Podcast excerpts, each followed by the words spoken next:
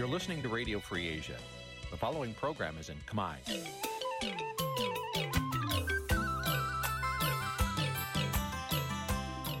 នេះជាកម្មវិធីផ្សាយ Vuthu Azizi Serai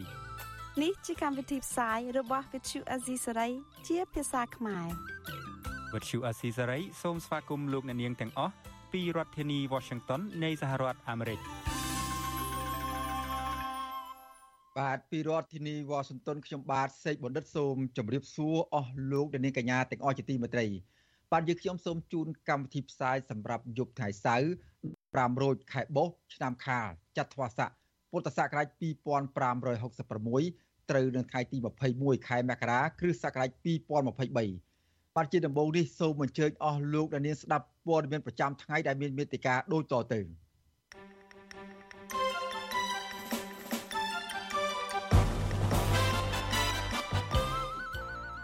គ្រួសារលោកគង់គំរើអីវ៉ាន់ចេញពីផ្ទះក្រោយពីលោកហ៊ុនសែនរឹបអូសទាំងបង្ខំពលករនៅកូរ៉េខាងត្បូងគ្រោងធ្វើបាតកម្មទាមទារឲ្យដោះលែងលោកថៃសេថាសង្គមស៊ីវិលនិងអ្នកច្បាប់ស្នើសុំឲ្យក្រមមេធាវីជួយលើកស្ទួយប្រព័ន្ធយុត្តិធម៌សង្គមប្រវត្តិលោកកឹមសន្តិភាព ជាមនុស្សចំណិតលោកហ៊ុនម៉ាណែតដែលគេស្គាល់ថាពូកែប្រើច្បាប់គម្រាមកំហែងគេឯងរួមនឹងព័ត៌មានសំខាន់សំខាន់មួយចំនួនទៀត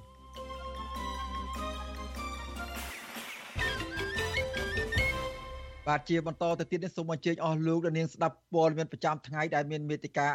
ដែលមានសេចក្តីដូចតទៅនេះបាទមន្ត្រីជាន់ខ្ពស់គណៈបកសង្គ្រោះជាតិមួយចំនួនបដិញ្ញាចិត្តមិនផ្ដាច់ខ្លួនចេញពីប្រធានស្ដីទីគណៈបកសង្គ្រោះជាតិលោកសំរងស៊ី ជាធ្នូនឹងការបានត្រឡប់ចូលកម្ពុជាវិញ តាមការចង់បានរបស់លោកហ៊ុនសែននោះឡើយបាទអ្នកវិភាគនយោបាយយល់ឃើញថាយុទ្ធសាស្ត្របំបែកបំបាក់ផ្ទៃក្នុងរបស់គណៈបកលោកហ៊ុនសែនគ្មានប្រសិទ្ធភាពនោះទេ បាទលោកថាថៃរាយការណ៍ជុំវិញព័ត៌មាននេះមន្ត្រីជាន់ខ្ពស់គណៈបកសង្គ្រោះជាតិដែលបច្ចុប្បន្នបាននិរទេសខ្លួននៅក្រៅប្រទេសចាត់ទុកសម្ដីលោកហ៊ុនសែនដែលហៅពួកគាត់ចូលស្រុកវិញដោយពុំមានការចាប់ខ្លួននោះ ថាគ្រាន់តែជាយុទ្ធសាស្ត្របំបីបំបាក់កម្លាំងអ្នកប្រជាធិបតេយ្យនិងជាវោហារស័ព្ទនយោបាយដែលមិនអាចយកជាផ្លូវការបាននោះទេមន្ត្រីជាន់ខ្ពស់គណៈបកសង្គ្រោះជាតិដែលនៅក្បែរលោកសំរងស៊ីគឺលោកម៉ែនសុថាវរិនប្រវត្តិជអាស៊ីសេរីថារូបលោកចង់ឲ្យគណៈបកកណ្ដាលអំណាច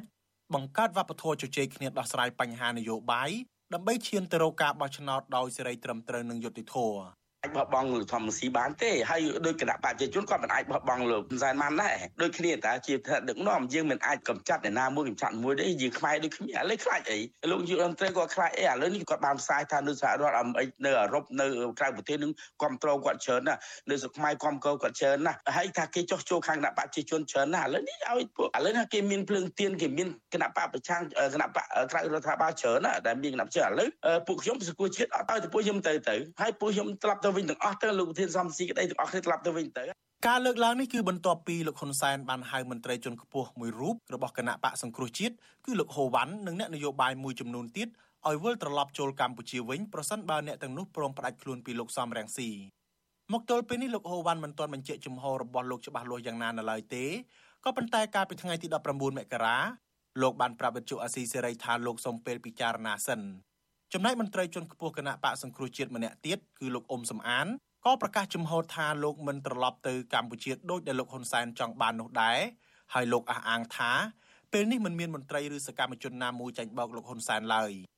លោកថាការហៅរបស់លោកហ៊ុនសែនដោយកំហឹងនេះគ្រាន់តែដើម្បីឌឺដងមកលើមន្ត្រីជាន់ខ្ពស់គណៈបកសង្គ្រោះជាតិនិងលោកសំរងស៊ីតែប៉ុណ្ណោះ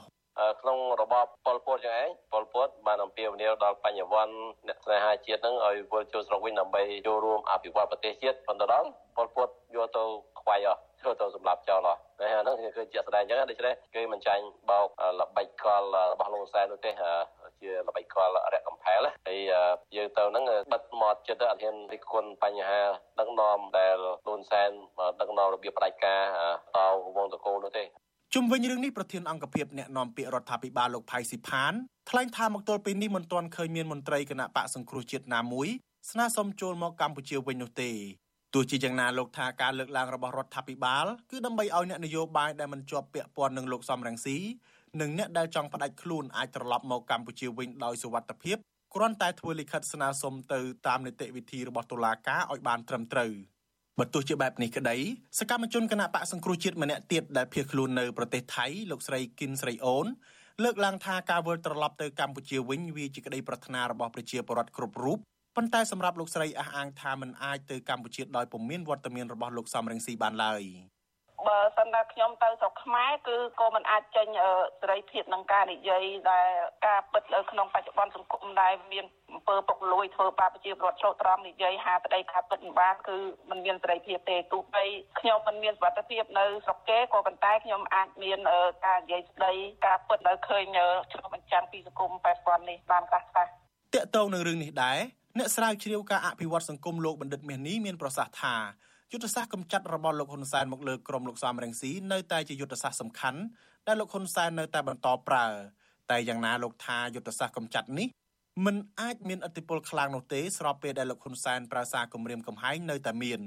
បាទអញ្ចឹងបើសិនជាយើងមានការគៀងកោឲ្យចូលមកតែមួយអញ្ចឹងវាអាចនឹងសួរសំណួរថាតើពហុបកវាទៅណាបើយើងគ្រាន់តែមានចេតនាដើម្បីប្រមូលឲ្យចូលមកតែមួយណាហើយបើសិនជារដ្ឋាភិបាលនៅក្នុងប្រទេសប្រជាធិបតេយ្យគឺគេជំរុញធ្វើឲ្យពហុបកនេះវាដើរអានឹងបានយើងដើរឈានទៅរកក្នុងដំណើរការប្រជាធិបតេយ្យប៉ុន្តែបើសិនជាយើងរកមធ្យោបាយគ្រាន់តែដើម្បីគៀងប្រមូលគេឲ្យបង្ខំឲ្យចូលមកតែមួយអានឹងវានឹងអាចបាត់នៅគេថាជារសជាតិនៃប្រជាធិបតេយ្យពហុបក លោកហ៊ុនសែនដែលជាមេដឹកនាំក្រាញអំណាចយូរឆ្នាំនៅកម្ពុជានោះតែងតែប្រើប្រាស់តុលាការជាអាវុធដើម្បីកម្ចាត់គូប្រកួតប្រជែងនយោបាយណាដែលហ៊ានរិះគន់លើរូបលោកជាស្ដែងការប្រកាសម្ដងហើយម្ដងទៀតរបស់លោកហ៊ុនសែនដែលអាចសម្រេចឲ្យអ្នកណាម្នាក់ជាប់គុកឬមិនជាប់គុកទៅតាមអារម្មណ៍របស់លោកនោះអ្នកខ្លមើលវាតម្លៃថាទង្វើនេះកាន់តែឆ្លុះបញ្ចាំងយ៉ាងច្បាស់ថាបរិះខ្លាំងរូបនេះមានឥទ្ធិពលលើតុលាការប្រធានស្ដីទីគណៈបកសង្គ្រោះជាតិលោកសំរងស៊ីប្រតិកម្មថា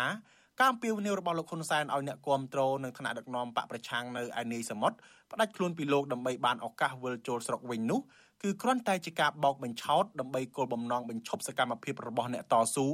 ដើម្បីសេរីភាពនិងយុត្តិធម៌នៅកម្ពុជាមេបកប្រឆាំងរូបនេះបញ្ជាក់ថាពួកលោកនៅក្រៅប្រទេសមិនចាញ់បោកលោកហ៊ុនសែនឡើយហើយផ្ទុយទៅវិញកាន់តែពង្រឹងផ្លូវចិត្តនិងសាមគ្គីភាពកាន់តែខ្លាំងថែមទៀតលោកសំរងស៊ីបន្តថាពេលនេះ លោកហ៊ុនសែនកំពុងតែភ័យស្លន់ស្លោខ្លាចទាំងកម្លាំងបែកបាក់ផ្ទៃក្នុងនិងកម្លាំងអ្នកប្រជាធិបតេយ្យជាពិសេសរូបលោកផ្ទាល់តែម្ដងទន្ទឹមគ្នានេះលោកសំរងស៊ីក៏អំពាវនាវឲ្យលោកហ៊ុនសែនមានចិត្តសឿងបើកផ្លូវឲ្យលោកវិលចូលកម្ពុជាវិញផងដែរខ្ញុំថាថៃពីទីក្រុងមែលប៊នបាទលោកលោកកញ្ញាជាទីមេត្រីចំណែកឯអ្នកគាំទ្រគណៈបកប្រឆាំងនៅឯប្រទេសកូរ៉េខាងត្បូងឯនោះវិញ បាទក្រមយុវជនគណៈបកភ្លើងទៀននៅប្រទេសកូរ៉េខាងត្បូងដែលភ ieck ច្រើនជាពលករនឹងរៀបចំធ្វើបាតកម្មទៀមទាឲ្យដោះលែងអនុប្រធានគណៈបកភ្លើងទៀនលោកថៃសិដ្ឋានៅរសៀលម៉ោង2ថ្ងៃអាទិត្យទី22ខែមករាស្អែកនេះបាទទីតាំងបាតកម្មនោះនឹងធ្វើនៅក្បែរស្ថានីយ៍រថភ្លើងតំបន់ខ្វាងជូបាទប្រធានសាខាគណៈបកភ្លើងទៀនកូរ៉េខាងត្បូងលោកអនច័ន្ទថនថ្លែងថា ការរៀបចំធ្វើបាតកម្មនេះក្នុងគោលបំណងទាមទារឲ្យដោះលែងលោកថៃសិដ្ឋានិងអ្នកទូនយោបាយផ្សេងទៀតឲ្យមានសេរីភាពឡើងវិញដើម្បីបើកលំហប្រជាធិបតេយ្យនិងបង្កបរិយាកាសនយោបាយឲ្យបានល្អប្រសើរឡើងវិញស្របពេលដែលកម្ពុជាត្រៀមរៀបចំការបោះឆ្នោតជាតិនាពេលខាងមុខបាទការអំពាវនាវបាទលោកនាយកញ្ញាជាទីមេត្រីពលករនិងពលរដ្ឋខ្មែរដែលកំពុងរស់នៅ និងធ្វើការនៅក្នុងប្រទេសកូរ៉េខាងត្បូងចូលរួម បានអំពាវនាវឲ្យមានការចូលរួមធ្វើបាតកម្មឲ្យបានច្រើនកកកដើម្បីទាមទាររកយុទ្ធធរជូនលោកថៃសិដ្ឋានិងអ្នកជាប់ឃុំដោយអយុត្តិធម៌ផ្សេងទៀតបាទអាជ្ញាធររដ្ឋាភិបាលលោកហ៊ុនសែនបានចាប់ខ្លួនលោកថៃសិដ្ឋាកាលពីថ្ងៃទី16ខែមករាបន្ទាប់ពីអនុប្រធានគណៈបកភ្លើងទៀនពីររូបនេះទើបវិលត្រឡប់ពីជួបជុំពលករនិងទៅរៀបចំរចនាសម្ព័ន្ធរបស់គណៈបកភ្លើងទៀននៅក្រៅប្រទេសដូចជានៅប្រទេសកូរ៉េខាងត្បូងនិងប្រទេសជប៉ុនជាដើម។ បាទតុលាការបានចោទលោកថៃសិដ្ឋាពាក់ព័ន្ធនឹងការចេញផ្សាយអត់លុយនិងបានបញ្ជូនទៅឃុំខ្លួននៅពន្ធនាគារព្រៃសរបាទយ៉ាងណាក្តីគណៈបកភ្លើងទៀននិងអ្នកគំនិងអ្នកខ្លាំមើលចាត់ទុកថាការចាប់និងឃុំខ្លួនលោកថៃសិដ្ឋាគឺជារឿងនយោបាយនិងជារូបភាពគម្រាមកំហែងដើម្បីបំបាក់ស្មារតីប្រជាពលរដ្ឋខ្មែរមិនឲ្យចូលរួមសកម្មភាពនយោបាយជាមួយនឹងគណៈបកភ្លើងទៀន បាទអ្នកគាំទ្រយល់ថាជារឿយរឿយរដ្ឋាភិបាលលោកហ៊ុនសែនតែងតែប្រើតុលាការជាឧបករណ៍ដើម្បីចាប់អ្នករិះគន់ដាក់ពន្ធនាគារហើយតែងតែប្រឌិតបទចោទប្រកាន់មិនសមស្របផ្សេងផ្សេងដើម្បីបង្កាច់បង្ខូចកិត្តិយសរបស់ពួកគេថែមទៀតដូចជាករណីលោកថៃសេដ្ឋាជាដើម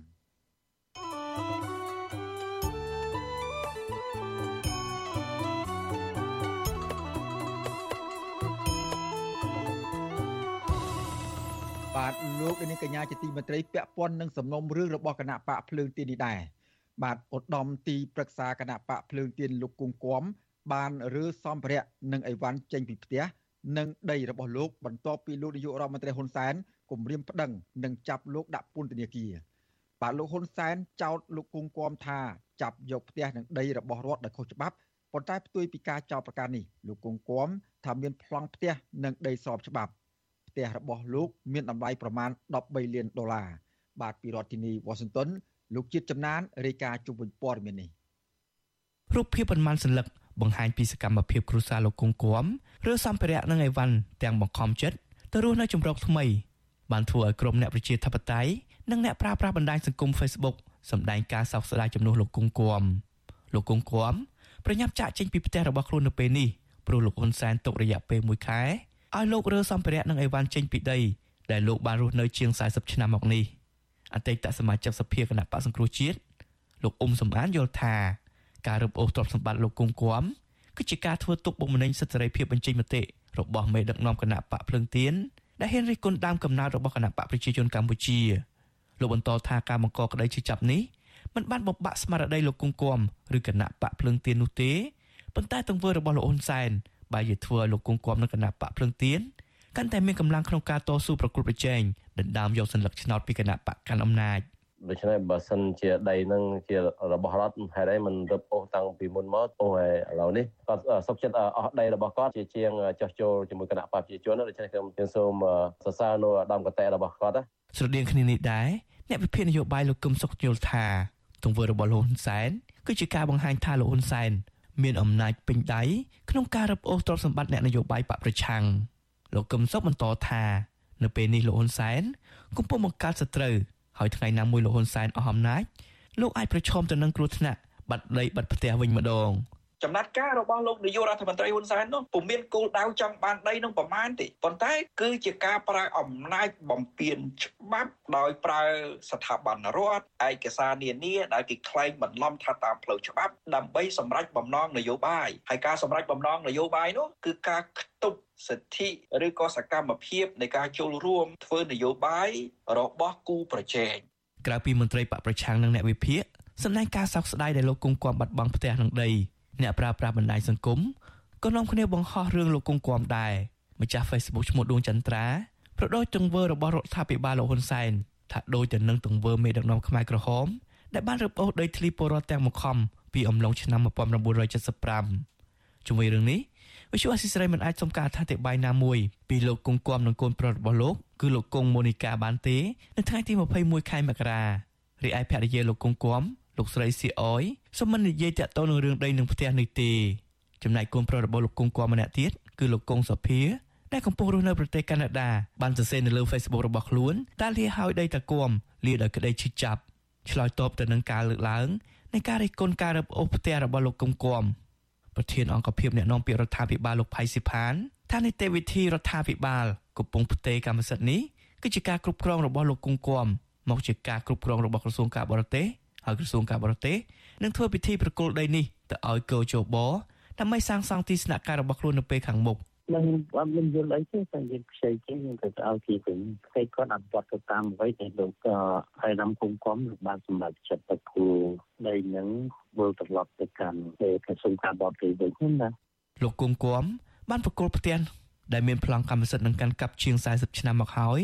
ទៅឲ្យអង្គភាពប្រឆាំងអំពើពុករលួយ កាលពីថ្ងៃទី12ខែមករា ទៅតាមការទៀមទារបស់លោកហ៊ុនសែនដីនេះមានទំហំជាង5000ម៉ែត្រការ៉េស្ថិតនៅតាមបណ្ដោយផ្លូវសុធារសសង្កាត់ទន្លេបាសាក់ខណ្ឌចំការមររាជធានីភ្នំពេញអគ្គនាយកក្រុមហ៊ុន Khmer Real Estate លោកបណ្ឌិតកឹមហៀងឲ្យដឹងថាដីតំបន់នេះមានតម្លៃចាប់ពី2500ដុល្លារទៅ4000ដុល្លារក្នុង1ម៉ែត្រការ៉េដែលអាស្រ័យលើប្រភេទដីបើផ្អែកតាមអ្នកជំនាញអចលនវត្ថុរូបនេះប្រសិនបើដីរបស់លោកគង្គគំលក់ត្រឹមតម្លៃ2500ដុល្លារក្នុង1ម៉ែត្រការ៉េ ដីនេះមានតម្លៃជាង13លានដុល្លារអ្នកជំនាញផ្នែកអចលនវត្ថុរូបនេះរំលឹកថាកាលពីអំឡុងឆ្នាំ2015លោកធ្លាប់នាំតកែចិនទៅទិញដីរបស់លោកគង់គំដែរ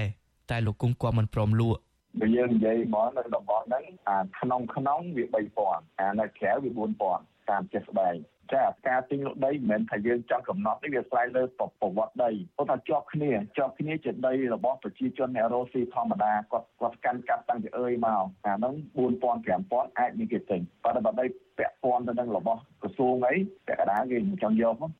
នៅគ្រាតែការបោះឆ្នោតនៅខែកក្កដាកាន់តែគៀកមកដល់រដ្ឋាភិបាលលោកហ៊ុនសែនបានប្រើប្រព័ន្ធតុលាការទៅលើថ្នាក់ដឹកនាំគណៈបកភ្លើងទៀនជាបន្តបន្ទាប់ក្បាលម៉ាស៊ីនគណៈបកភ្លើងទៀន3រូបកំពុងរងបណ្ដឹង និងប្រឈមការបាត់បង់ដីនិងផ្ទះនិងជាប់ពន្ធនាគារខ្ញុំបាទជាចំណាន Visual Assisray ប្រធានាទី Washington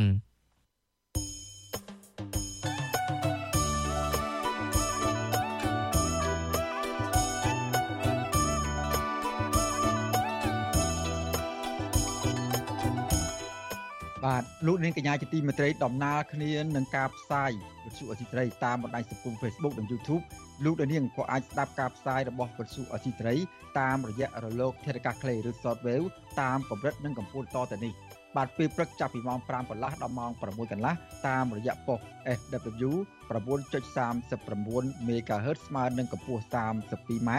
និងប៉ុស SW 11.85 MHz ស្មើនឹងកម្ពស់ 25m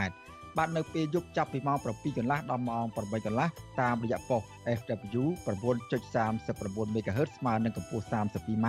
និងប៉ុស SW 11.88 MHz ស្មើនឹងកម្ពស់ 25m និងប៉ុស SW 15.15 MHz ស្មើនឹងកម្ពស់ 20m បាទសូមអរគុណ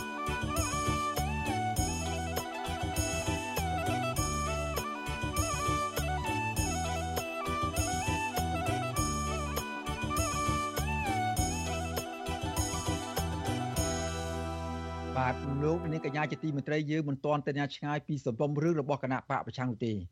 បាទលោកថៃសិដ្ឋាបាទអឺដែលក្រសួងមហាក្រសួងក្រសួងការបរទេសកម្ពុជា បានចេញប្រតិកម្មឆ្លើយតបនឹងស្ថានទូតអាមេរិកមកវិញថាមធ្យោបាយដ៏ល្អបំផុតនៅក្នុងការធានាឯករាជ្យសម្រាប់កម្ពុជា គឺការមិនជ្រៀតជ្រែកចូលកិច្ចការផ្ទៃក្នុង ឬគាំទ្រភាគីម្ខាងប្រឆាំងនិងភាគីម្ខាងទៀត បាទក្រសួងបន្ថែមទៀតថាលទ្ធិប្រជាធិបតេយ្យនិងសិទ្ធិត្រូវតែភ្ជាប់មកជាមួយនៅកាតព្វកិច្ចតាមផ្លូវច្បាប់បាទហើយការមិនគោរពកាតព្វកិច្ចទាំងនោះនឹងនាំមកនូវផលវិបាកតាមផ្លូវច្បាប់នេះបើតាមការចេញផ្សាយរបស់ប្រព័ន្ធឃោសនារបស់លោកហ៊ុនសែននៅថ្ងៃទី21ខែមករានេះបាទប្រតិកម្មរបស់ក្រសួងការបរទេសកម្ពុជានេះគឺបន្ទាប់ពីស្ថានទូតសហរដ្ឋអាមេរិកបានជំរុញឲ្យអាជ្ញាធរកម្ពុជាពង្រឹងលទ្ធិប្រជាធិបតេយ្យសេរីពហុបក ដោយអនុញ្ញាតឲ្យមានទស្សនៈនយោបាយផ្ទុយជំរុញឲ្យមានការប្រកួតប្រជែងតាមការតាមរយៈការបោះឆ្នោតដោយសេរីនិងយុត្តិធម៌សម្រាប់ភាគីទាំងអស់ព្រមទាំងលើកកម្ពស់ការផ្លាស់ប្ដូរគំនិតយោបល់ដោយសេរីនិងបើកចំហបាទជាមួយគ្នានេះដែរស្ថានទូតសហរដ្ឋអាមេរិកក៏ជំរុញឲ្យរដ្ឋាភិបាលកម្ពុជា បើកឲ្យមានសេរីភាពនៃការបញ្ចេញមតិប្រការប្រមូលផ្ដុំ និងការចងក្រងជាសហគមន៍ព្រមទាំងបើក ឲ្យមានសង្គមស៊ីវិលនិងប្រព័ន្ធផ្សព្វផ្សាយបំពេញការងាររបស់ខ្លួនបានដោយសេរីនិងត្រឹមត្រូវបាទស្ថានទូតសហរដ្ឋអាមេរិកបញ្ចេញសារទាំងនេះក្រោយពីអាជ្ញាធររដ្ឋាភិបាលលោកហ៊ុនសែនបានចាប់ខ្លួនលោកថៃសិដ្ឋាអនុប្រធានគណៈបកភ្លើងទៀនដាក់ពន្ធនាគារកាលពីសប្តាហ៍មុន ដែលគេមើលឃើញថាជាទូទៅករណីនេះជាការធ្វើទុកបុកម្នេញលើអ្នកនយោបាយប្រឆាំងមុនការបោះឆ្នោត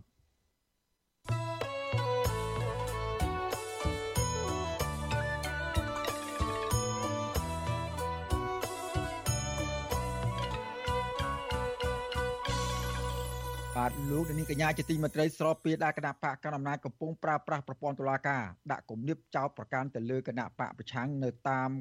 ទៅតាមគ្រប់វិធីនោះកូនប្រុសលោកហ៊ុនសែនគឺលោកហ៊ុនម៉ាណែត បានស្នើដល់មេធាវីឲ្យចូលរួមចំណែកកសាងសង្គមដោយយុត្តិធម៌បាទអង្គការសង្គមស៊ីវិល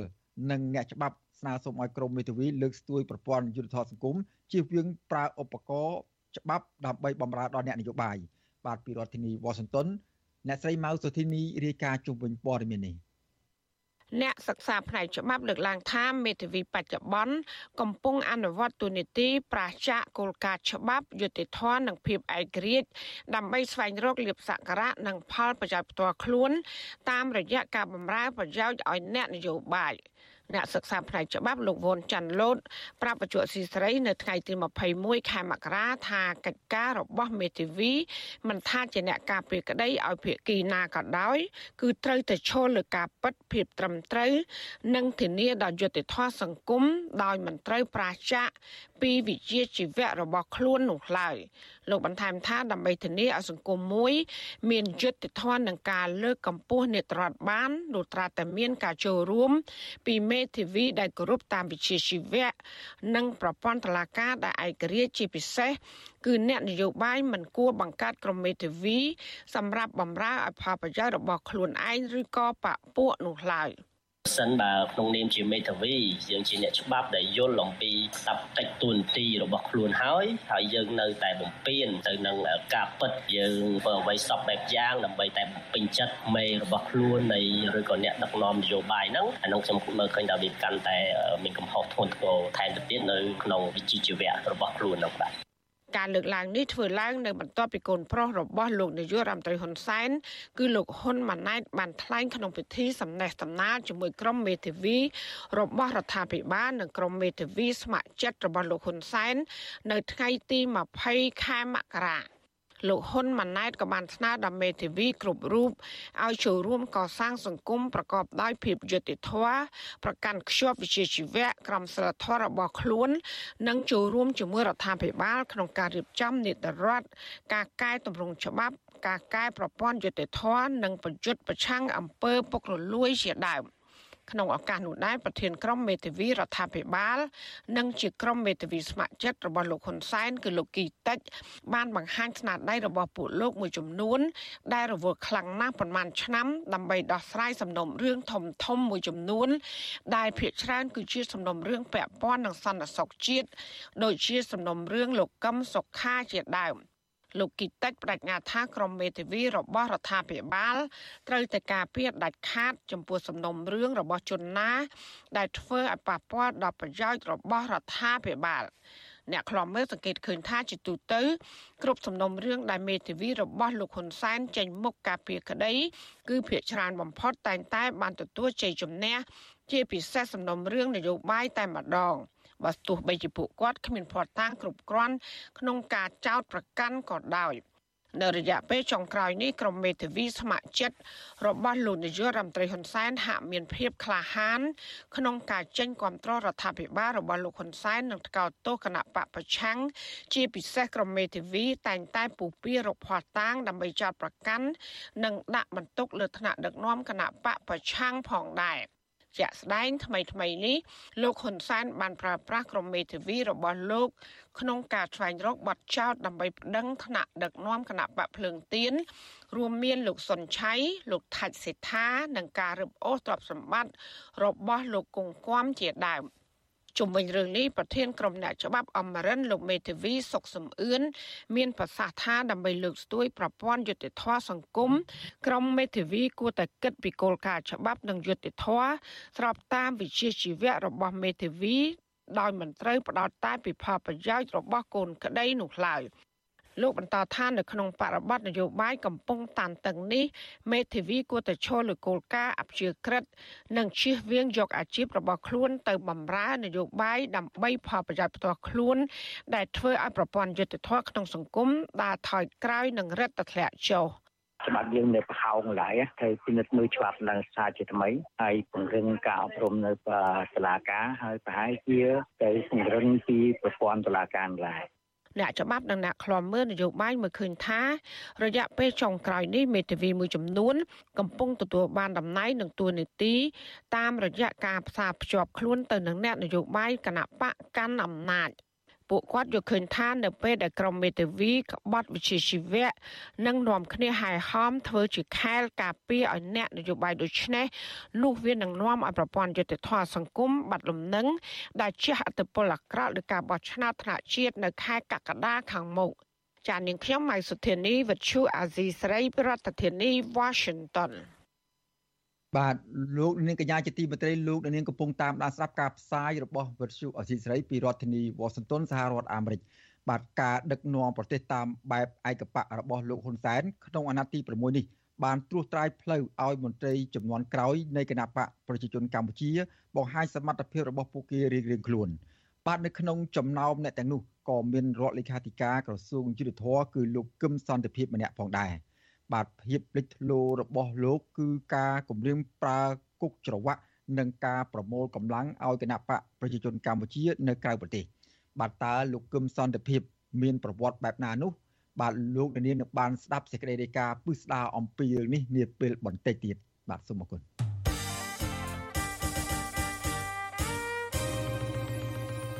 បាទសហភាពសហជីពកម្ពុជាអំពាវនាវឲ្យប្រជាពលរដ្ឋចូលរួមឲ្យបានច្រើនកកកនៅក្នុងថ្ងៃប្រារព្ធខួប19ឆ្នាំនៃគិតកោបាញ់សម្លាប់លោកជីវជា នៅថ្ងៃអាទិត្យទី22ស្អែកនេះបាទប្រធានសហភាពសហជីពកម្ពុជាលោករងឈុនប្រាប់បទសុអសីស្រីថាកាលកាលពី19ឆ្នាំមុនគិតកោបានបាញ់សម្លាប់វីរៈជនទៀមទាសិទ្ធិការងារនិងទៀមទាតម្លើងប្រាក់ខែជូនកម្មករ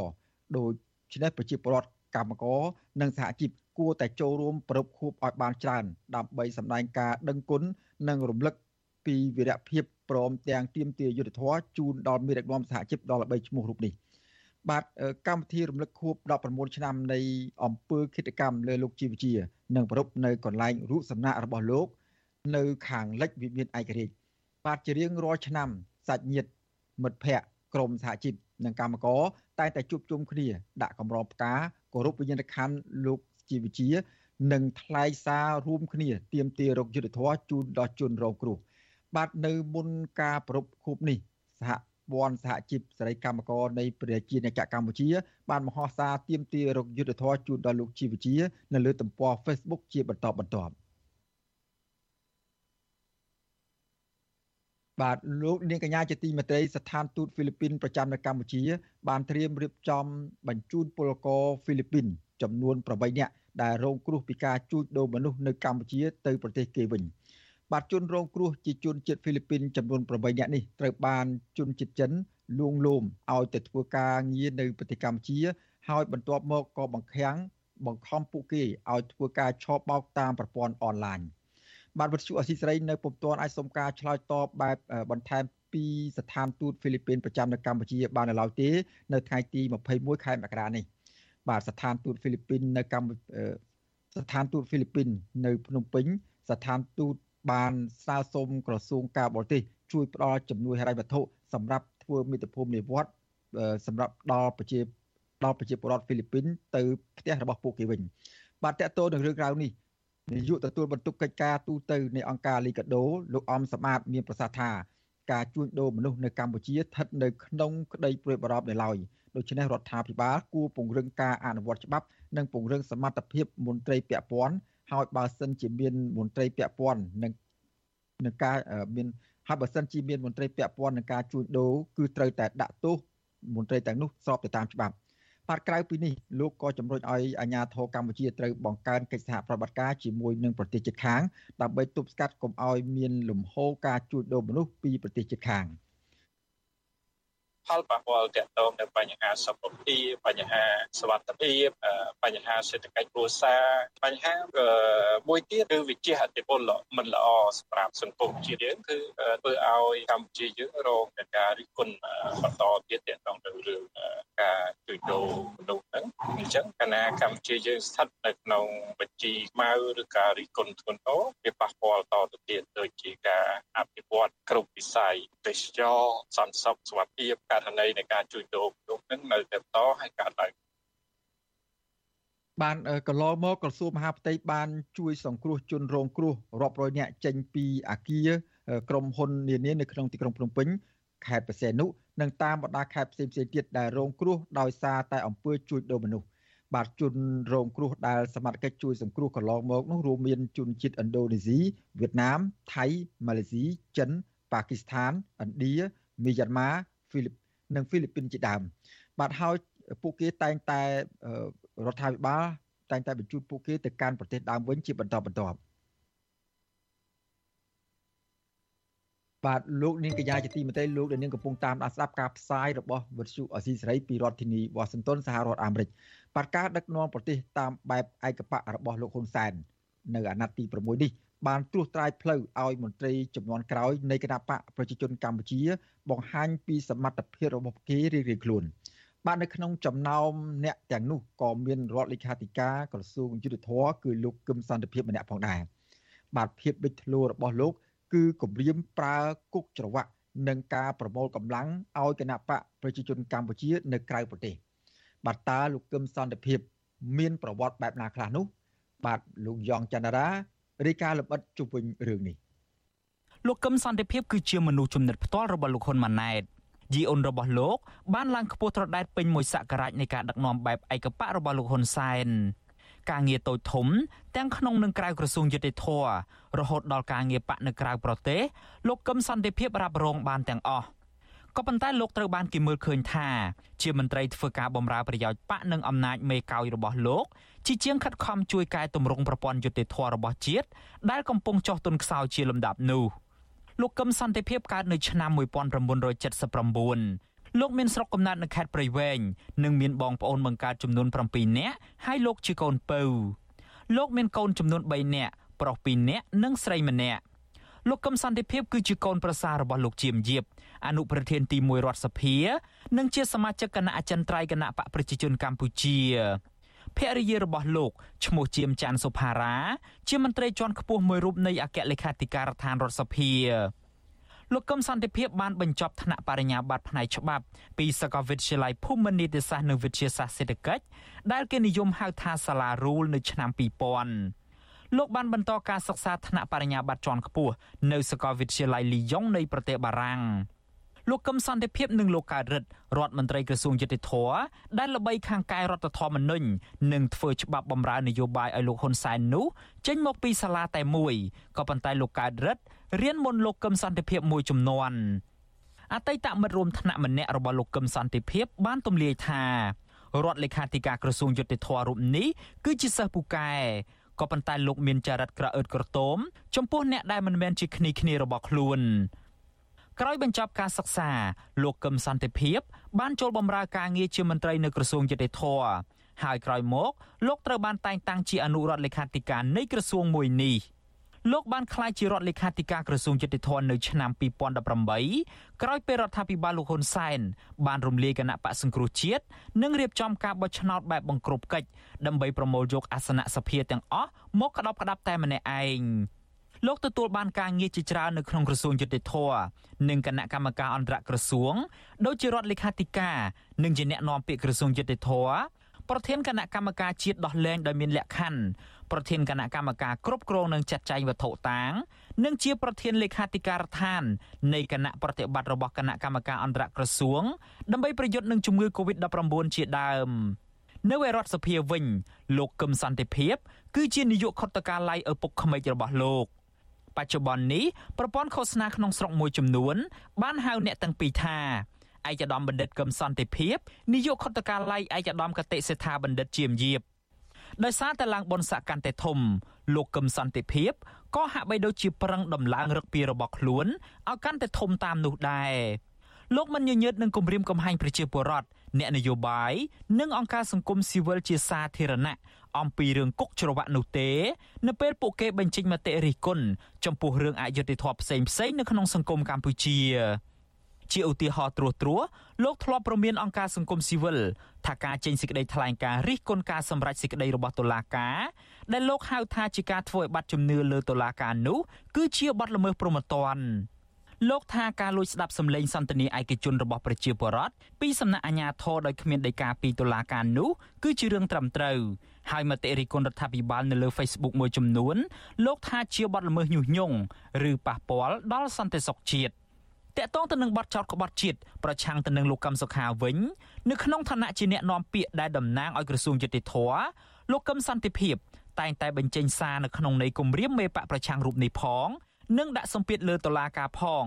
ដូចជាថាលោកកឹមសុខាក្បត់ជាតិសម្ដីលោកកឹមសុខាគឺជាបទល្មើសជាក់ស្ដែងនិងថាលោកកឹមសុខាត្រូវតែប្រយ័ត្នចំពោះសកម្មភាពរបស់ខ្លួនជាដើម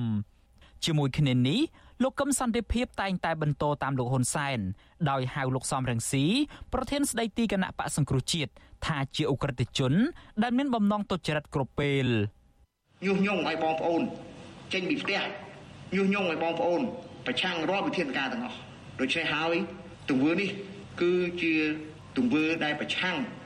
ជាមួយនឹងច្បាប់កម្ពុជាអាយកាអមសាលាដំបងរាជធានីភ្នំពេញបានចាត់វិធានការដោយធ្វើការចោទប្រកាន់ឧក្រិដ្ឋជនសំស៊ីនេះក្នុងបទរៀបរៀងវិធានការរដ្ឋបាល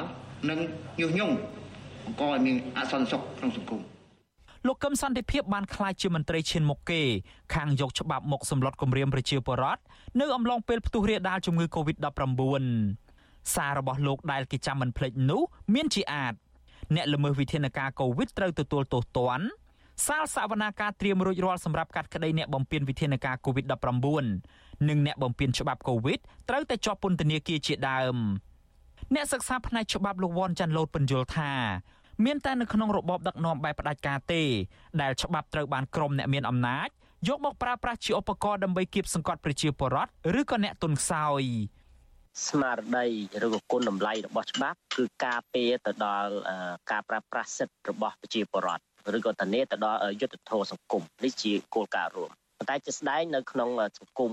ដែលមានការដឹកនាំបែបអំណាចផ្ដាច់ការឬក៏ការរំលោភអំណាច អ្នកដឹកនាំនោះគឺនឹងប្រើប្រាស់ច្បាប់ជាឧបករណ៍ឬក៏ជាយន្តការមួយ ដើម្បីធ្វើការដាក់សម្ពាធធ្វើការគម្រាមកំហែងទៅដល់អ្នកដែលហ៊ានរិះគន់ធៀបអសកម្មរបស់ខ្លួនហ្នឹងលោកកឹមសន្តិភាពហាក់បីដូចជាពូកែតែខាងបកស្រាយច្បាប់ដើម្បីសម្លុតគម្រាមប្រជាពលរដ្ឋក្រុមអង្គការសង្គមស៊ីវិលនិងសកម្មជនបកប្រឆាំងប៉ុណ្ណោះក៏ប៉ុន្តែចំពោះករណីដែលជាប់ពាក់ព័ន្ធទៅនឹងក្រុមគ្រួសារនិងមេកាយរបស់លោកវិញលោកស្ងាត់មាត់ឲ្យជ្រាប ជាឧទាហរណ៍ករណីរថយន្តឪពុកក្មេករបស់លោកគឺលោកជាមយាបបានបុកពលរដ្ឋស្លាប់នៅស្រុកគៀនស្វាយខេត្តកណ្ដាលរួចបើករថគេចកាលពីឆ្នាំ2013ករណីក្រុមកងអង្គរៈលោកហ៊ុនសែនចាប់អូសតំណាងរាជគណៈបកសង្គ្រោះជាតិពីររូបយកទៅវាយដំច្រំធាក់នៅមុខរដ្ឋសភា ការវាយបង្ក្រាបនៅក្នុងថ្លុកឈាមនៅផ្លូវវែងស្រេងនិងសារគម្រាមសម្លាប់របស់លោកហ៊ុនសែនទៅលើសកម្មជនគណៈបកប្រឆាំងជាដើមនោះលោកកឹមសន្តិភាពមិនដែលនិយាយត្រូវរឿងទាំងនេះទេ បើនិយាយពីរឿងទ្រព្យសម្បត្តិវិញលោកកឹមសន្តិភាព គឺជាមន្ត្រីមួយរូបដែលមានទ្រព្យសម្បត្តិច្រើនហួសពីទួនាទីរបស់ខ្លួនយោងតាមឯកសារប្រកាសទ្រព្យសម្បត្តិនិងបំណុលដែលបែកធ្លាយចេញពីអ៊ីមែលផ្ទាល់ខ្លួនរបស់លោកកឹមសន្តិភាព កាលពីឆ្នាំ2017នោះលោកមានលុយទុកនៅក្នុងធនាគារជិត7សែនដុល្លារ លោកមានរថយន្ត2គ្រឿងនិងអចលនទ្រព្យដូចជាដីធ្លីនិងផ្ទះសម្បែងជាច្រើនកន្លែង នៅខេត្តកណ្ដាលខេត្តព្រៃវែងខេត្តកំពង់ស្ពឺនិងខេត្តព្រះសីហនុជាដើមលើពីនេះទៅទៀតលោកមានមាសដុំនិងមាសសន្លឹកសរុប70តម្លឹងជាមួយនឹងខ្សែកនាឡិកាដៃនិងចិញ្ចៀនពេជ្រថែមទៀតហើយគ្រាន់តែក្បាលខ្សែក្រវ៉ាត់របស់លោកមួយមានតម្លៃរហូតដល់ទៅជាង20,000ដុល្លារអាមេរិក ទាំងនេះគឺជាទ្រព្យសម្បត្តិដែលលោកកឹមសន្តិភាពមាននៅមុនឆ្នាំ2011ខណៈពេលលោកមានទុននីតិត្រឹមតែជាអនុរដ្ឋលេខាធិការនិងមានប្រាក់ខែដុលត្រឹមតែជាង5000ដុល្លារនៅក្នុងមួយឆ្នាំគេមិនដឹងថាតើទ្រព្យសម្បត្តិរបស់លោកកឹមសន្តិភាព បានកើនឡើងដល់កម្រិតណានោះទេពីព្រោះបច្ចុប្បន្ននេះលោកឡើងទុននីតិដល់រដ្ឋលេខាធិការក្រសួងយុតិធធនិងមានការងារច្រើនស្អិចស្កះម្យ៉ាងវិញទៀត លោកមានផ្ទះជួលនិងភាគហ៊ុននៅក្នុងក្រុមហ៊ុនឯកជនដែលរកចំណូលបានរាប់សែនដុល្លារនៅក្នុងមួយឆ្នាំក្រៅពីទ្រព្យសម្បត្តិដ៏ច្រើនសន្ធឹកសន្ធាប់នេះឯកសារបែកធ្លាយដដែលក៏បានបង្ហាញអំពីការងារពីក្រោយឆាកមួយទៀតរបស់លោកកឹមសន្តិភាពនៅមុនការបោះឆ្នោតឆ្នាំ2013ដែរលោកគឺជាអនុប្រធានក្រុមការងារបណ្ដាញព័ត៌មានសង្គមឬហៅថា Cyber War Room ដែលស្ថិតនៅក្រោមការគ្រប់គ្រងដោយផ្ទាល់ពីលោកហ៊ុនម៉ាណែត សកម្មភាពរបស់ក្រុម Cyber War Room នេះគឺតាមដាន និងគ្រប់គ្រងព័ត៌មាននានានៅលើបណ្ដាញសង្គមព្រមទាំងរៀបចំវិធានការនានាដើម្បីទប់ស្កាត់ឆ្លើយតបនិងវាយបកទៅលើមជ្ឈដ្ឋានរិះគន់ការដឹកនាំរបស់រដ្ឋាភិបាលនៃគណៈបកប្រជាជនកម្ពុជាវិទ្យុអាស៊ីសេរីបានព្យាយាមតាក់ទងលោកកឹមសន្តិភាពដើម្បីឆ្លើយតបចំពោះមតិរិះគន់លើរូបលោកក៏ប៉ុន្តែទូរស័ព្ទចូលជាច្រើនដងពុំមានអ្នកទទួលនិងពេលខ្លះមានគេចុចផ្ដាច់ លោកកឹមសន្តិភាពធ្លាប់បានប្រកាសកាលពីឆ្នាំ2021ថាលោកមិនផ្ដល់បទសម្ភាសដល់វិទ្យុអាស៊ីសេរីនោះទេទោះជាយ៉ាងណាអ្នកនាំពាក្យគណៈបកប្រជាជនកម្ពុជាលោកសុកអេសាន បានថ្លែងការពីលោកកឹមសន្តិភាពថាការបកស្រាយរបស់មន្ត្រីច្បាប់រូបនេះតាក់ទងទៅនឹងរឿងផ្លូវច្បាប់មិនមែនជាការគម្រាមកំហែងនោះទេ តែជាការពន្យល់ឲ្យប្រជាពលរដ្ឋបានយល់ដឹងអំពីច្បាប់តែប៉ុណ្ណោះណាទេឯកឧត្តមកឹមសន្តិភាពមនុស្សស្លូតបូតចង់ងាប់ហ្នឹង បាទមនុស្សស្លូតបូតខ្ញុំស្គាល់គាត់យូរឆ្នាំហើយយើងនិយាយថាគាត់មានសម្ដីអាកប្បកិរិយាគម្រាមកំហែងហ្នឹងវាអត់ត្រឹមត្រូវសោះគាត់ទៅជួបប្រជាជនជួបមហាជនគាត់សភាពរៀបសារតែជាមន្ត្រីជាន់ខ្ពស់ម្នាក់ដែលមានគំរូល្អមានសិលធម៌នយោបាយល្អផ្ទុយពីការបកស្រាយរបស់តំណាងគណៈបកកណ្ដាលអំណាចនេះអនុប្រធានគណៈបកសង្គ្រោះជាតិលោកអេងឆៃអៀងដែលលោកកឹមសន្តិភាពបានចោទពេញពេញមាត់ថាជាក្រុមឧទាមនោះបានថ្លែងថា លោកកឹមសន្តិភាពពូកែទៅខាងបកស្រាយច្បាប់បន្តតាមមេកោយរបស់លោកមិនមែនជាមន្ត្រីដែលមានអធិបុលជួយកែតម្រង់ប្រព័ន្ធយុតិធធម៌ឡើយសពថ្ងៃសពខ្មែរអំណាចវាបបោផ្ដុំតែលឺលោកហ៊ុនសែនអញ្ចឹងអ្នកនឹងក៏តែចេះអែបអបមានទេពកោសលប្រើប្រាស់អាភិបឆ្លាតរបស់ខ្លួនដើម្បីអែបអបយកមុខយកមាត់យកបុណ្យស័ក្តិយកទូនទីគឺមានអានឹងប៉ុន្តែបើថាចង់ប្រើប្រាស់ចំណេះដឹង របស់ខ្លួនដើម្បីទៅធ្វើកិច្ចការទៅតាមបញ្ញៈមនសិការគឺអត់មានទេតកតងទៅនឹងសមាជិកភាពនៅក្នុងគណៈបកវិញលោកកឹមសន្តិភាពគឺជាមនុស្សឆ្អិនឆ្អៅរបស់គណៈបកប្រជាជនកម្ពុជាលោកបានចូលរួមជាសមាជិកគណៈបកនេះតាំងពីនៅជាយុវជន និងចុះពង្រឹងមូលដ្ឋាននៅក្នុងស្រុកពីមរោខេត្តព្រៃវែង បច្ចុប្បន្ននេះលោកកឹមសន្តិភាពគឺជាសមាជិកគណៈកម្មាធិការកណ្ដាលនិងជាអនុប្រធានចលនាយុវជនរបស់គណៈបកព្រមទាំងជាអនុប្រធានក្រុមការងារគណៈបកចោះជួយមូលដ្ឋានស្រុកពញាក្រៃខេត្តត្បូងឃ្មុំ ទីដែលបងថ្លៃរបស់លោកគឺលោកជាមច័ន្ទសុភ័ណ្ឌជាអភិបាលខេត្តជាមួយគ្នានេះលោកកឹមសន្តិភាពគឺជាប្រធានក្រុមការងាររៀបចំយុវជន ប្រចាំប្រទេសអូស្ត្រាលី និងនូវែលសេឡង់ទៀតផង ការងារស្នូលរបស់លោក គឺគៀកកម្លាំង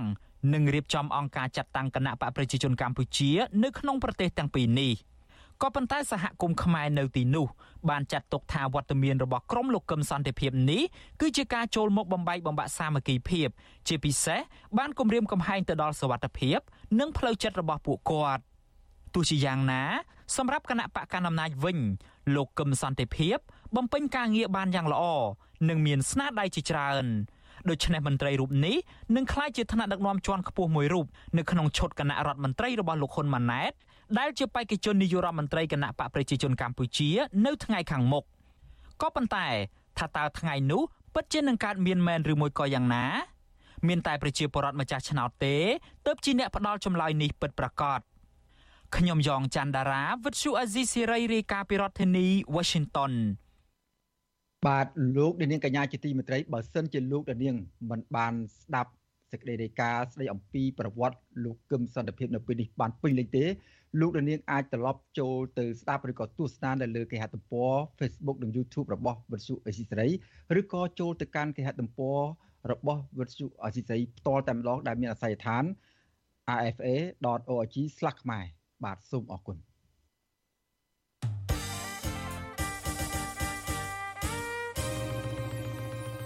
បាទលោកនាងកញ្ញាជាទីមេត្រីតកតងនឹងសិទ្ធិសេរីភាពបញ្ចេញមតិនាពេលបច្ចុប្បន្ននេះវិញបាទការហ៊ាននិយាយការពិតនៅក្នុងសង្គមគឺជាទូនាទីសំខាន់មួយរបស់អ្នកនិពន្ធបាទទូនាទីនេះគឺកាន់តែសំខាន់ទៅទៀតនៅពេលដែលប្រជាពលរដ្ឋនៅក្នុងសង្គមនៅក្នុងស្ថិតនៅក្នុងការរស់នៅភ័យខ្លាចពីការរឹតបន្តឹងសិទ្ធិសេរីភាពបញ្ចេញមតិបាទយុវជនគៀសុគន្ធដែលជាអ្នកនិពន្ធនិងច្រៀងចម្រៀងរ៉េបជាប្រភេទ អ្នកនិពន្ធកម្រដែលបានបំពេញតួនាទីសំខាន់របស់អ្នកតែងនិពន្ធរូបនេះ បាទការនេះសម្ដែងចេញតាមរយៈស្នាដៃជាច្រើនរបស់លោក ជាពិសេសបទចម្រៀងឈាមបាតកោបាទអ្នកស្រីសុជីវីមានសេចក្តីរាយការណ៍ពិស្ដារអំពីរឿងនេះពីរដ្ឋធានី Washington កតកសហជីពនិងអ្នកស្រឡាញ់ការតៃនិពន្ធចាត់ទុកស្នាដៃតៃនិពន្ធរបស់យុវជនគៀសុគន្ធថាបានឆ្លុះបញ្ចាំងពីការពិត ដែលម្ចាស់ស្នាដៃបែបនេះគួរតែបានការកោតសរសើរនិងការលើកទឹកចិត្តឬចាត់ទុកថាជាគំរូនៃអ្នកនិពន្ធក្នុងការឆ្លុះបញ្ចាំងការពិត និងបណ្ដុះស្មារតីស្នេហាជាតិកតកដែលចេញតវ៉ារយៈពេលជាង1ឆ្នាំមកហើយទាមទារឲ្យក្រុមហ៊ុន Nagavel គោរពសិទ្ធិការងារនិងសេរីភាពសហជីពកញ្ញាអានិចលើកឡើងថាកញ្ញាចូលចិត្តស្ដាប់ចម្រៀងរបស់លោកគៀសុគន្ធជាពិសេសបទចម្រៀងចេញថ្មីរបស់លោកគឺបទឈាមបាតុកោនេះឯង កញ្ញាបន្តថាពលរដ្ឋនៅក្នុងសង្គមបច្ចុប្បន្ននេះសុទ្ធតែបានដឹងថាពិតជាមានរឿងកើតឡើងដោយបទចម្រៀងរបស់លោកគៀសុគន្ធមែនប៉ុន្តែពួកគេភ័យច្រើនមិនហ៊ានលាតត្រដាងពីការពិតទាំងនោះទេដោយសារតែភាពភ័យខ្លាចកញ្ញាសង្កត់ធ្ងន់ថាការតវ៉ារបស់បាតុករនៅក្នុងបទចម្រៀងនោះគឺស្រដៀងគ្នាទៅនឹងការតវ៉ារបស់កូតកោនៅ Nagawal ដែរ ចម្រៀងនឹងសម្រាប់ខ្ញុំគឺវាឈឺចាប់ទៅដោយសារតែខ្ញុំជួបផ្ទាល់ហើយហើយហើយវាត្រូវស្រដៀងនឹងរឿងដែលឥឡូវហ្នឹងពួកខ្ញុំពុំប្រកបកម្មជាមួយនឹងនាការសហជីពដូចគ្នាហើយនឹងការទៀមទាត់អឺប្រាក់ខែវិវាទការងារយុវជនគៀសគុណជាអ្នកនិពន្ធនិងអ្នកចម្រៀងរ៉េបផ្ដោតទៅលើបញ្ហានៅក្នុងសង្គមយុវជនវ័យ22ឆ្នាំរូបនេះបានចេញបទចម្រៀងជាច្រើនផ្សព្វផ្សាយតាមបណ្ដាញសង្គម បទចម្រៀងថ្មីដែលចេញនៅក្នុងខែមករាដើមឆ្នាំ2023នេះគឺឈាមបាតកោដែលរៀបរាប់ពីអំពើហិង្សានៅផ្លូវវែងស្រេង និងការទន្ទឹងយុត្តិធម៌នៃជនរងគ្រោះ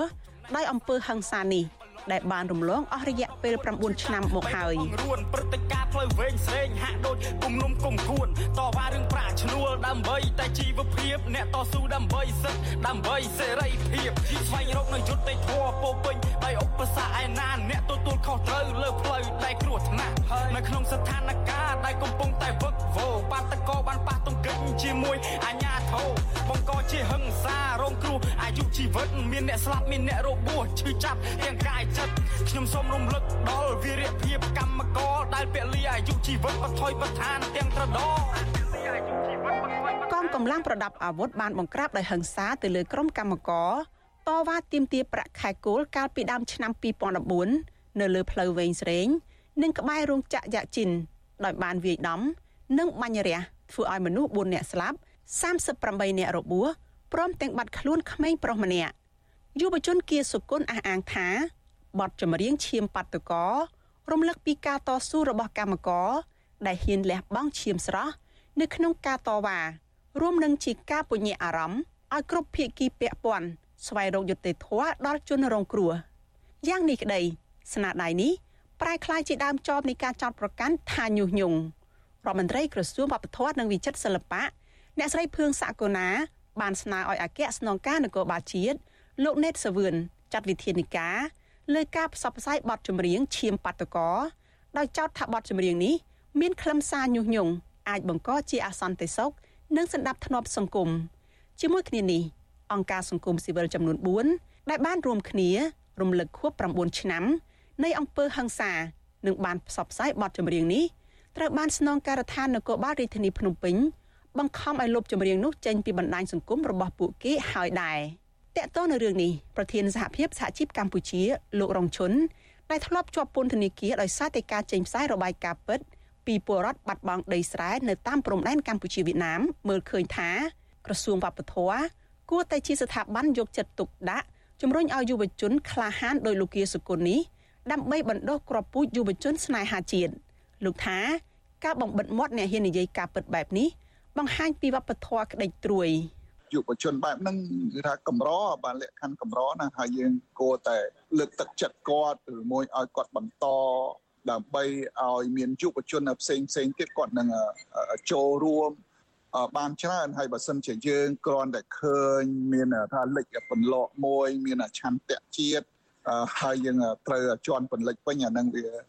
វាយើងកំពុងតែចូលរួមថាធ្វើឲ្យសង្គមយើងនឹងដើរថយក្រោយទៅវិញទេបាទ ចំណែកអ្នកចូលចិត្តការតៃនិពន្ធនិងជាសមាជិកសកម្មនៃសមាគមអ្នកនិពន្ធខ្មែរ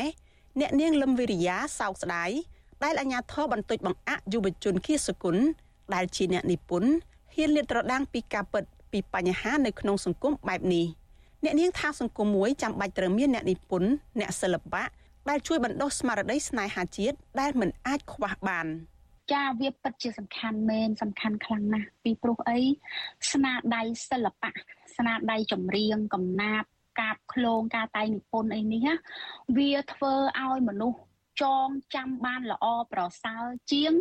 ការនិយាយពាក្យធម្មតាធម្មតាវាខុសចម្រៀងឈាមបាតកោដែលនាំឲ្យមានភាពចម្រូងចម្រាសនេះគ្រាន់តែជាផ្នែកមួយនៃស្នាដៃរបស់យុវជនគៀសគុណហើយយុវជនរូបនេះក៏ធ្លាប់បានជាប់ពន្ធនាគារអស់រយៈពេល1ឆ្នាំ ក្នុងចំណោមទោសសរុប1ឆ្នាំ8ខែដោយសារតែបទចម្រៀងទាំងនោះផង ចម្រៀងរបស់គៀសគុណដែលមានអ្នកចូលមើលរាប់លានអ្នកនៅក្នុងបណ្ដាញសង្គម YouTube និងជាហេតុផលធ្វើឲ្យអាជ្ញាធរចោទប្រកាន់ពីបទញុះញង់នោះរួមមាន ទឹកភ្នែករាសះកំសត់ផ្លូវជីវិត និងដីខ្មែរជាដើមយើងបោះអស់ដីគ្មានអ្វីនៅទៀតទេកុំរវល់តែផឹកស៊ីប្រយ័ត្នផែនទីនៅលើគេសាសមួយចំនួនកំពុងតែឈ្លានពានពេលដែលយើងបាក់សាមគ្គីគេនឹងមកទន្ទ្រានស្ដាប់ខ្ញុំឲ្យជាក់ភ្ញាក់ពីដំណេកមកយើងគឺជាវីរៈបុរសយកខ្នោះទៅចាប់ចោលកំតិចពួកកេងប្រវាញ់ដាក់គុកហើយចាក់សោវាយយកសេរីភាពកុំខ្លាចកុំឆោឡោបើអ្នកខ្លាចអ្នកភ័យហើយអ្នកព្រួយចុះស្រុកកម្ពុជាបានអ្នកណាគេមកជួយបើបច្ចុប្បន្នកាលពោពេញដោយពុករលួយអាណានិគមចំនួនក្រោយច្បាស់ជាខ្សែម្ដងសមាជិកសមាគមអ្នកនិពន្ធខ្មែរអ្នកនាងលឹមវិរិយាមើលឃើញប្រលឹងនៃអ្នកតៃនិពន្ធពិតប្រាកដនៅក្នុងខ្លួនរបស់យុវជនរូបនេះអ្នកនាងថាមានតែអ្នកនិពន្ធដែលនិយាយការពិតពីក្នុងសង្គមទេដែលអាចបន្សល់ទុកស្នាដៃដ៏មានតម្លៃពិតប្រាកដសម្រាប់ជាកតិដាស់តឿនអ្នកចំនួនក្រោយតែបើវាคล้ายជាប្រវត្តិសាស្ត្រហើយ ស្នាដៃរបស់អ្នកនិពន្ធដែលមានគុណតម្លៃខ្ពង់ខ្ពស់បំផុត ដែលគេនឹងលើកយកទៅនិយាយគឺវាមានតែរឿងដែលសរសេរពីការតស៊ូដើម្បីសិទ្ធិសេរីភាពដើម្បីយុត្តិធម៌ដើម្បីសន្តិភាពអីអញ្ចឹងទេដែលវាមានតម្លៃហ៎ទាំងកោតកតនៃក្រុមហ៊ុន Nagavel មេដឹកនាំសហជីពនិងអ្នកចូលចិត្តតៃនិពន្ធរំពឹងថាអាញាធរនឹងពិចារណាទុកសេរីភាពនៃការតៃនិពន្ធឲ្យយុវជនបានបញ្ចេញមតិបាននិយាយពីបញ្ហាពិតជាក់ស្ដែងនិងអំពើអយុត្តិធម៌នៅក្នុងសង្គមដែលពួកគេកំពុងរស់នៅ វិទ្យុអាស៊ីសេរីមិនអាចតាក់ទងแนะនាំពាក្យក្រសួងវប្បធម៌និងវិចិត្រសិល្បៈលោកលងប៉ុណ្ណាសិរីវត្តដើម្បីឆ្លើយតបនឹងរឿងនេះបាននៅឡើយទេនៅថ្ងៃទី19ខែមករាអ្នកនាំពាក្យរដ្ឋាភិបាលលោកផៃស៊ីផានឆ្លើយតបថារដ្ឋាភិបាលធានាសេរីភាពពលរដ្ឋនៅក្នុងការតៃនិពន្ធប៉ុន្តែការតៃនិពន្ធត្រូវស្ថិតនៅក្រោមក្របខ័ណ្ឌកំណត់ ជាពិសេសនៅក្នុងស្ថានភាពនៅមុនការបោះឆ្នោតបែបនេះ រដ្ឋាភិបាលត្រូវតែគ្រប់គ្រងស្ថានភាពដើម្បីឲ្យដំណើរការបោះឆ្នោតប្រកបដោយជាសន្តិភាពសេរីភាពនិងភាពសិក្សាគ្នាដើម្បីតតាំងពីវប្បធម៌អ្វីមួយទៅជាធិបតេយ្យនោះឯងដូចជាកលំដែលការជំរៀនខ្លះការពិតខ្លះគេមិនឲ្យនិយាយការពិតវារែងស្លែកបើទោះជាបែបណា ការតៃនិពន្ធនិងការផ្សព្វផ្សាយគឺជាផ្នែកមួយនៃសេរីភាពបញ្ចេញមតិដែលមានធានាដោយរដ្ឋធម្មនុញ្ញកម្ពុជា និងស្របទៅតាមបទដ្ឋានសិទ្ធិមនុស្សអន្តរជាតិដែលសេរីភាពនេះមិនត្រូវប្រើប្រាស់ជាដើមចបនៅក្នុងការចាប់ខ្លួនដាក់ពន្ធនាគារនោះឡើយនាងខ្ញុំសុជីវី Vithu Azizi Serai ពីរដ្ឋធានី Washington បាទលោកនាងកញ្ញាជាទីមេត្រីពាក់ព័ន្ធនឹងវិស័យកសិកម្មវិញម្ដងបាទប្រជាពលរដ្ឋមួយចំនួននៅស្រុកសំឡូតខេត្តបាត់ដំបងត្អូញត្អែពីតម្លៃរមៀតធ្លាក់ថ្លៃលក់មិនបានប្រាក់ចំណេញដើម្បីដោះស្រាយជីវភាពគ្រួសារ បាទពីរដ្ឋធានីវ៉ាស៊ីនតោនលោកមីរិតរាយការណ៍ជុំវិញព័ត៌មាននេះប្រជាកសិករមួយចំនួនរស់នៅឃុំសំឡូនលើកឡើងថាតម្លៃរមៀតគ្មានទីផ្សារច្បាស់លាស់ការទិញលក់តម្លៃអាស្រ័យតែមាត់ឈ្មួញនិងចេះតែធ្លាក់ថ្លៃធ្វើឲ្យប៉ះពាល់ដល់ជីវភាពប្រជាកសិករពួកគាត់ថាកន្លងមករមៀតមានទីផ្សារល្អហើយក្រុមហ៊ុន Nandia ទទួលទិញក៏ប៉ុន្តែសប្តាហ៍ថ្ងៃមានត្រឹមតែឈ្មួញកណ្ដាលចុះប្រម៉ូទទិញតែប៉ុណ្ណោះ ពលរដ្ឋម្នាក់រស់នៅឃុំសំឡូនលោកកុយកុងគៀរៀបរាប់ប្រាប់វិសុយស៊ីស្រីថាលោកដាំរមៀតជិត1ហិកតាតែប៉ុណ្ណោះដោយសារតែតម្លៃថោកហើយគ្មានទីផ្សារច្បាស់លាស់លោកថាលោកមិននឹកស្មានថាតម្លៃរមៀតធ្លាក់ថ្លៃមកនៅត្រឹម700រៀលក្នុង1គីឡូក្រាមនោះទេពីព្រោះពីមុនរមៀតមានតម្លៃចន្លោះពី1300រៀលទៅ1600រៀលក្នុង1គីឡូក្រាមលោកបន្តថាលោកនឹងកសិករដាំរមៀតដទៃទៀត កាត់បន្ថយការដាំរមៀតក្រោយពីតម្លៃធ្លាក់ថ្លៃខ្លាំងនិងគ្មានទីផ្សារច្បាស់លាស់ហើយឈ្មួញកណ្ដាលចុះទិញឲ្យក្រុមហ៊ុនទម្លាក់ថ្លៃកសិករលោកបន្តថាលោកនឹងកសិករមួយចំនួនមិនទាន់គាស់រមៀតនៅឡើយទេ ដោយសារតែតម្លៃថោកដែលមិនអាចទូទាត់ថ្លៃប្រាក់ឈ្នួលកម្មករនិងប្រាក់ដើមក្នុងការចំណាយដាំដុះដោយសារហាងឆេងវាអត់ទៀងទាត់ទេតម្លៃវាទាបដែលអ្នកចុះមកទិញហ្នឹងលើគេថាក្រុមហ៊ុនឥណ្ឌាគេទទួលទិញប៉ុន្តែអត់ដែលឃើញក្រុមហ៊ុនមកទិញទេមានតែឈ្មួញកដាលយើងណាក្នុងស្រុកណាក្នុងភូមិតែតម្លៃអត់ដែលបានខ្ពស់ទេបងតម្លៃទាបមកឆ្នាំហ្នឹងរត់តែចុះទៀតនេះដោយសារអ្នកដែលគេដាំគេដាំតិចតួចឥឡូវវាតម្លៃវារៀងទាបទៀតទាបជាងរាល់ឆ្នាំមួយឆ្នាំទៅវាបានមិន10អីដែរវាអត់មានទីផ្សារហ្មង ស្រដៀងគ្នានេះដែរពលរដ្ឋម្នាក់ទៀតរស់នៅឃុំកំពង់លពៅលោកប៉ុនរបាំងឲ្យដឹងថាកាលពីឆ្នាំកន្លងទៅក្រុមហ៊ុនឥណ្ឌាបានទិញរមៀតតម្លៃចាប់ពីជាង1000រៀលក្នុង1គីឡូក្រាមឡើងក៏ប៉ុន្តែឆ្នាំនេះធ្លាក់ថ្លៃខ្លាំងដោយសារអ្នកទិញបន្តដោយក្រុមហ៊ុនដាក់ទៅទម្លាក់ថ្លៃរមៀតកសិករបន្ថែមទៀតហើយកសិករមិនអាចយករមៀតមកលក់ខ្លួនឯងបាននោះឡើយទាល់តែជាបណ្ដាញឈ្មួញឥណ្ឌាទើបលក់រមៀតបាន លោកថាកសិករមិនទៀមទាលក់រមៀតក្នុងតម្លៃខ្ពស់ពេកនោះទេ គឺតម្លៃសមរម្យបានប្រាក់ចំណេញខ្លះក៏ពួកគាត់សុខចិត្តលក់ដែរមានន័យថាវាដាក់កូនដៃឬក៏ដាក់មេកាទិញវាទិញតែពីមេកានោះទេបើក្រៅពីមេកាហ្នឹងគឺវាទិញយើងទេកសិករដឹកចូលក៏វាទិញដែរតាមខ្ញុំដឹងមានទិញទៅវៀតណាមខ្លះហើយនៅថៃខ្លះឥឡូវនេះចេញទៅឥណ្ឌាសតទេរឿងទីផ្សារអ្នកក្នុងប្រទេសគាត់ចេះកំងចេញពីក្រៅមកគាត់អត់ស្គាល់អំពីជុញឬមិនជុញទេតែពេលបន្លែជុញម្នាក់ម្នាក់កំងមកខាតគ្រប់គ្នាដែរអ្វីដែលខ្ញុំបន្ទោសមានតែមួយត្រីក្រសួងកសិកម្មគាត់អត់ស្គាល់អំពីគេថាចរាចរទំនិញក្នុងស្រុកបើសិនជាគាត់ក្តាប់ថាព័ត៌មានថាកសិផលនៅក្នុងស្រុកដល់ហើយអញ្ចឹងគួរតែផ្អាកការនាំចូលផលពីខាងក្រៅគឺវាអត់បញ្ហាទេវាអាចនឹងតម្លៃវាទប់ទល់បាន ក្រៅពីតម្លៃរមៀតចុះថោកពលរដ្ឋក៏លើកឡើងថានៅស្រុកសំឡូតភូមិសាស្ត្រអំណោយផលធ្វើកសិកម្មក៏ប៉ុន្តែនៅពេលកសិករផលិតបានតម្លៃថោកមិនមានតុល្យភាពចំពោះការចំណាយរបស់កសិករនោះឡើយពួកគាត់បារម្ភពីជីវភាពគ្រួសារនៅថ្ងៃក្រោយដោយសារតែរងផលប៉ះពាល់ពីការធ្វើកសិកម្មគ្មានទីផ្សារ ពួកគាត់ស្នើឲ្យអាជ្ញាធរពាក់ព័ន្ធរិះរកវិធីដោះស្រាយនិងកាត់បន្ថយការនាំចូលបន្លែពីប្រទេសជិតខាងដើម្បីឲ្យបន្លែនិងកសិផលនៅក្នុងស្រុកមានតម្លៃសមរម្យនៅលើទីផ្សារវិសុវស៊ីស្រីមិនអាចតតងแนะនាំពាក្យក្រសួងកសិកម្មអ្នកនាងអឹមរចនានិងប្រធានមន្ត្រីកសិកម្មខេត្តបាត់ដំបងលោកឈឹមវិជ្ជរាដើម្បីសូមអធិប្បាយជុំវិញរឿងនេះបាននៅឡើយទេនៅថ្ងៃទី15ខែមករា ក៏ប៉ុន្តែអភិបាលស្រុកសំឡូតលោកសៅសមេតឲ្យដឹងថាលោកក៏ដាំរមៀតប្រមាណ3ហិកតាដែរហើយក៏កំពុងរកកម្មករគាស់រមៀតដែរលោកថាប្រហែលជាកន្លះខែមុនរមៀតមានតម្លៃ900រៀលក្នុង1គីឡូក្រាម ហើយសប្តាហ៍ថ្ងៃឈ្មួញទិញនៅតាមចំការចន្លោះពី600រៀលទៅ700រៀលក្នុង1គីឡូក្រាមលក់ទៅឲ្យក្រុមហ៊ុនឥណ្ឌា លោកសាសមេតអះអាងថាមន្ទីរកសិកម្មនិងមន្ទីរពាណិជ្ជកម្មមិនដែលធ្លាប់នាំក្រុមហ៊ុនវិនិយោគទិញរមៀតផ្សេងក្រៅពីក្រុមហ៊ុនឥណ្ឌានោះឡើយព្រោះបើខ្ញុំអ្នកដាំនមៀតដែរហ្នឹងខ្ញុំកំពុងតែហ្នឹងវាទិញទៅដាំបាន8តាបេតាជាងកំពុងទៅហ្នឹងហើយហើយថ្ងៃបានប៉ុណ្ណឹងឯងឃើញកាក់តគេទិញតែប្រហែលខែមុនវា400តែប៉ុន្តែនៅតែទិញណាថ្ងៃនេះនៅតែទិញទៀតណាវាចេះតែជួនកាលយើងខូចដែរណាដាក់ដីខ្សាច់ដីអីហ្នឹងជាក់ស្ដែងហ្នឹងខ្ញុំហ្នឹងអ្នកដាំនមៀតដែរហ្នឹង រមៀតគឺជារុក្ខជាតិផ្ដល់អត្ថប្រយោជន៍ច្រើនយ៉ាងចំពោះសុខភាពដោយគេអាចយកទៅធ្វើគ្រឿងផ្សំនៅក្នុងម្ហូបធ្វើជាថ្នាំថែរក្សាស្បែកនិងជាឱសថបុរាណជាដើមប្រជាពលរដ្ឋខ្មែរនិយមបរិភោគនិងប្រើប្រាស់រមៀតចាប់តាំងពីដូនតាមកហើយពលរដ្ឋនៅតាមបណ្ដាប្រទេសមួយចំនួន ជាពិសេសនៅប្រទេសឥណ្ឌាក៏និយមចូលចិត្តបរិភោគនិងប្រើប្រាស់រមៀតក្នុងពិធីផ្សេងៗដែរ ជុំវិញរឿងនេះក្រុមប្រឹក្សាភិបាលរបស់អង្គការសាមគ្គីភាពកសិករលោកឌីកុនធាមានប្រសាសន៍ថាអាជ្ញាធរនិងស្ថាប័នពាក់ព័ន្ធគួរបង្កើតគណៈកម្មការចុះស្រាវជ្រាវនិងអង្កេតនៅពេលដែលកសិករលើកឡើងពីបញ្ហាប្រឈមលោកថាមន្ត្រីជំនាញត្រូវមានទិន្នន័យច្បាស់លាស់ទាក់ទងប្រភេទដំណាំដែលជួបបញ្ហានិងត្រូវរកដំណោះស្រាយឲ្យបានទាន់ពេលវេលាកុំឲ្យកសិករខាតបង់ដើម្បីឲ្យពួកគេទទួលបានប្រាក់ចំណេញខ្លះ លោកបន្តថារដ្ឋាភិបាលនិងក្រសួងកសិកម្មត្រូវស្វែងរកដៃគូទីផ្សារក្នុងស្រុក និងក្រៅស្រុក ដើម្បីគ្រប់គ្រងដល់កសិករដោយធានានៅការផលិតគ្មានហានិភ័យនិងមានទំនុកចិត្តទាក់ទងនឹងសវត្ថិភាពកិច្ចសន្យាកសិកម្មួ នាទីភារកិច្ចរបស់ខាងភាគីរដ្ឋាភិបាលគឺគាត់អត់បានបំពេញតួនាទីរបស់គាត់ឲ្យអស់លទ្ធភាពទេនៅក្នុងការដោះស្រាយកង្វល់របស់កសិករណាធានានៅតម្លៃធានានៅការផ្គត់ផ្គង់ធានានៅគោលដៅទីផ្សារជាក់លាក់ហើយធានានៅការគ្រប់គ្រងអាហារនិភ័យនៅពេលដែលគាត់ប្រមូលផលពីមួយរដូវមួយរដូវណាធានានៅស្តង់ដារគុណភាពអនាម័យថារដ្ឋត្រូវគ្រប់គ្រងបច្ចេកទេសបែបម៉េចគ្រប់គ្រងរញ្ញប្រទានបែបម៉េចគ្រប់គ្រងផ្នែកគោលនយោបាយបែបម៉េចគ្រប់គ្រងផ្នែកច្បាប់បែបម៉េចដើម្បីធ្វើឲ្យមានបរិយាកាសទៅលើគម្រោងវិនិយោគយុទ្ធសាស្ត្រដំណាំបន្លែដូចជាបន្លែរមៀតអីចឹងណាអញ្ចឹងជាការទូខុសត្រូវរបស់រាជរដ្ឋាភិបាលកម្ពុជាគួរបំផុត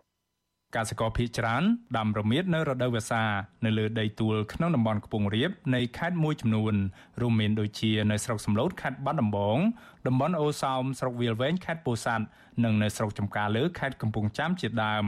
ដែលកសិករដាំសម្រាប់នាំចេញទៅកាន់ប្រទេសឥណ្ឌា អាជ្ញាធរស្រុកសំឡូតមិនទាន់ធ្វើបច្ចុប្បន្នភាពផ្ទៃដីកសិកម្មដាំដំណាំរមៀតនៅឡើយទេដោយសារតែតម្លៃរមៀតធ្លាក់ចុះផ្ទៃដីដាំដុះប្រែប្រួលច្រើនប្រជាពលរដ្ឋនិងមន្ត្រីសង្គមស៊ីវិលទទូចដល់រដ្ឋាភិបាលនិងស្ថាប័នជំនាញឲ្យយកចិត្តទុកដាក់ដោះស្រាយបញ្ហាដល់ប្រជាកសិករនៅចំពោះមុខនិងរៀបចំផែនការជួយរកទីផ្សារកសិកម្មរយៈពេលយូរអង្វែងដើម្បីធ្វើឲ្យកសិករមានជីវភាពល្អប្រសើរឡើងវិញ ខ្ញុំបានមេរិត Visual C ស្រីរាយការណ៍ពីរដ្ឋធានី Washington បាទលោកនាងកញ្ញាជាទីមេត្រីការផ្សាយរបស់វិទ្យុអសិរ័យសម្រាប់ព្រឹត្តិថ្ងៃសៅរ៍នេះបានឈានដល់ទីបញ្ចប់ហើយខ្ញុំបាទសេកបណ្ឌិតព្រមទាំងសហការីទាំងអស់នៃវិទ្យុអសិរ័យសូមអរគុណនិងសូមជម្រាបលា បាទរាត្រីសួស្តី